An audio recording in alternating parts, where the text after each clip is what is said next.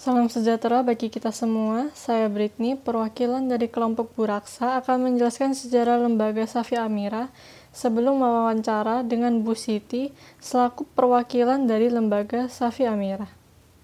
Safi Amira adalah lembaga non-profit yang didirikan oleh beberapa aktivis perempuan pada 25 April 1997. Disahkan dengan Akta Nomor 35 oleh Notaris Mauli Diniari SH sejak berdiri Safia Mira berfokus untuk memberikan pendampingan terhadap perempuan korban kekerasan berbasis gender dengan wilayah jangkauan utamanya adalah kota Surabaya dan kota-kota sekitarnya. Baik, untuk pertanyaan pertama, kekerasan yang biasa ditemui oleh Safi Amira Women Crisis Center berada pada rentang usia berapa ya, Bu? Uh, kalau di antara 25 sampai 49 tahun gitulah. Jadi rata-rata itu kebanyakan seperti itu, tapi tidak menutup kemungkinan juga. Yang paling banyak yaitu tidak menutup kemungkinan juga uh, ada yang usianya itu belasan, baru 12 tahun, 15 tahun gitu, 17 tahun, 18 tahun itu juga ada. Jadi yang anak-anak juga ada gitu sih. Tapi yang banyak paling banyak di usia rentang itu tadi 25 sampai 49 tahun. Lalu kekerasan apa saja Bu yang bisa dialami oleh korban kekerasan pada usia tersebut dan apa saja yang menjadi penyebab kekerasan tersebut? Oke. Nah, kekerasan yang sering ditemui adalah uh, pertama adalah kekerasan psikis kekerasan psikis ini yang paling banyak terjadi, namun orang-orang itu sering kali nggak aware gitu. Terus kemudian yang kedua adalah kekerasan eh, fisik, kekerasan fisik, terus kemudian uh, seksual, terus penelantaran. Penyebabnya kalau ini ya tentu saja kayak misalnya uh, secara ekonomi mereka nggak siap, Terus mungkin pelaku ini juga berasal dari keluarga yang penuh kekerasan sehingga kalau berkonflik maka yang utama mereka lakukan adalah juga melakukan kekerasan karena melihat dari lingkungan seperti itu terutama lingkungan keluarganya. Terus eh, kalau seksual itu eh, biasanya sih pemaksaan ya, pemaksaan hubungan seks atau pemaksaan eh, apa istilahnya foto-foto yang sifatnya itu apa ya uh, artinya foto-foto privat yang sebenarnya uh, mereka tuh tidak ingin disebarluaskan tapi ternyata disebarluaskan oleh pelaku. Jadi kadang-kadang juga dijual foto-foto itu. Motifnya itu bisa saja balas dendam atau memang motifnya uang gitu Oke, baik Bu. Untuk pertanyaan selanjutnya, apakah pelayanan dari WCC itu bisa kapan aja ya? Apakah fleksibel atau bagaimana, Bu? Fleksibel itu maksudnya gimana? Apakah bisa langsung segera dapat pelayanan atau harus appointment atau bagaimana, Bu? Oh, iya. Jadi uh,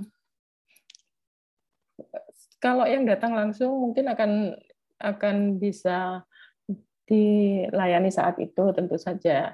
Uh, tapi kalau yang dibutuhkan misalnya kayak hal-hal khusus kayak psikolog anak atau psikolog klinis atau uh, pemeriksaan kayak gitu ya uh, kita ini apa namanya bisa uh, dulu karena orang apa ahlinya nggak nggak selalu di situ gitu. Terus untuk misalnya assessment gitu ya, misalnya ada pengaduan hari ini, tapi ternyata uh, jadwal pendamping itu sudah penuh misalnya untuk konseling atau untuk assessment maka ya, kami jadwalkan ke hari lain seperti itu. Kadang-kadang eh, kita telepon langsung itu hal yang misalnya sang, mungkin sangat membahayakan bagi korban ya, sehingga makanya kita minta untuk melalui WA dulu gitu untuk janjian. Karena kan banyak dari mereka yang masih bersama hidup bersama dengan pelaku kan. Jadi setiap WA kita mungkin eh, akan berbahaya buat mereka.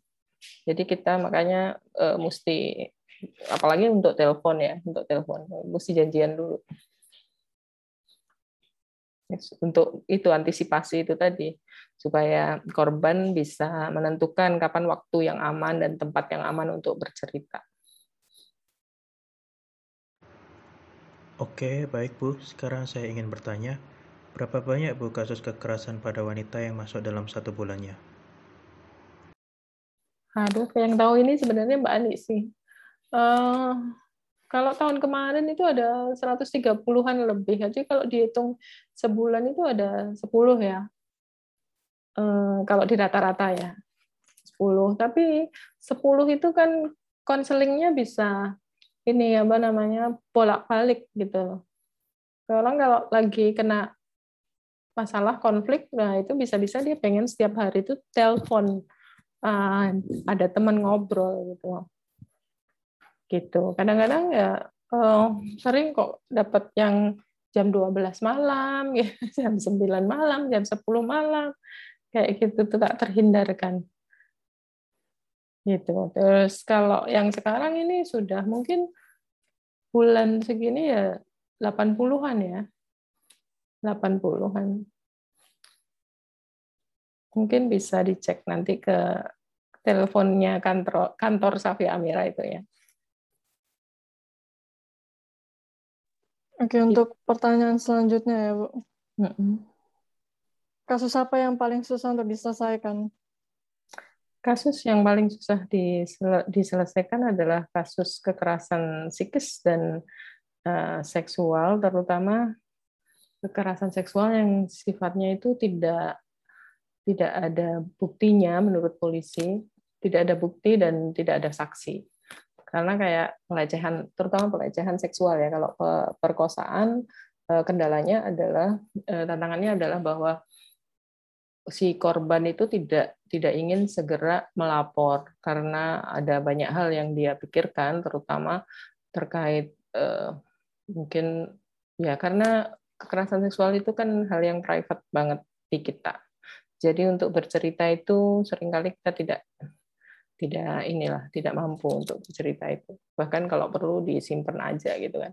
Jadi ada beberapa misalnya kayak korban dari korban kami itu yang anu kekerasan seksualnya itu di masih usia SMP gitu ya. Terus uh, dia itu diperkosa.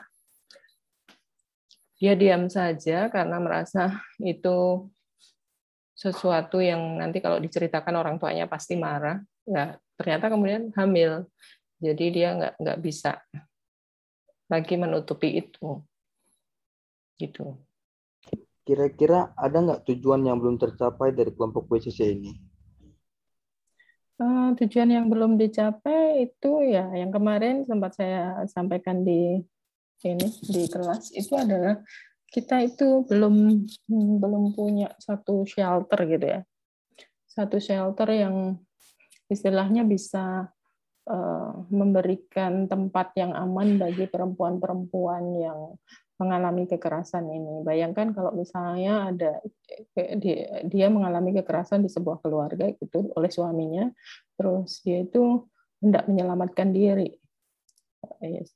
Yang perlu dia lakukan adalah keluar dari rumah itu gitu kadang-kadang. Keluar dari rumah itu dan itu nggak gampang kalau keluar dari rumah itu tuh pasti pelakunya nggak akan dengan serta merta membolehkan gitu ya. Ataupun kalau dia pergi pasti akan dicari gitu Nah, uh, itu yang mungkin masih belum belum bisa kita penuhi gitu ya. Ya kita berusaha untuk apa membuat pemerintah menyediakan itu, namun hingga sekarang belum belum dapat dipenuhi. Baik, demikian wawancara kami kelompok Puraksa dengan Ibu Siti selaku perwakilan dari Safia Amira Women Crisis Center. Baik, terima kasih. Baik, terima kasih Ibu Siti. Terima kasih atas perhatiannya. Jika kami ada salah kata, kami mohon maaf.